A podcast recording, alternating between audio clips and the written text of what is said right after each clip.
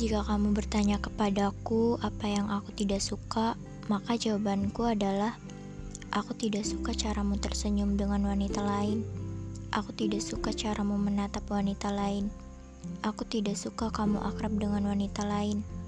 Aku tidak suka kamu menyimpan foto-foto wanita lain. Aku tidak suka kamu menceritakan tentang wanita lain. Dan aku tidak suka ketika kamu juga sedang dicintai oleh wanita lain. Tapi aku tidak akan mengatakannya.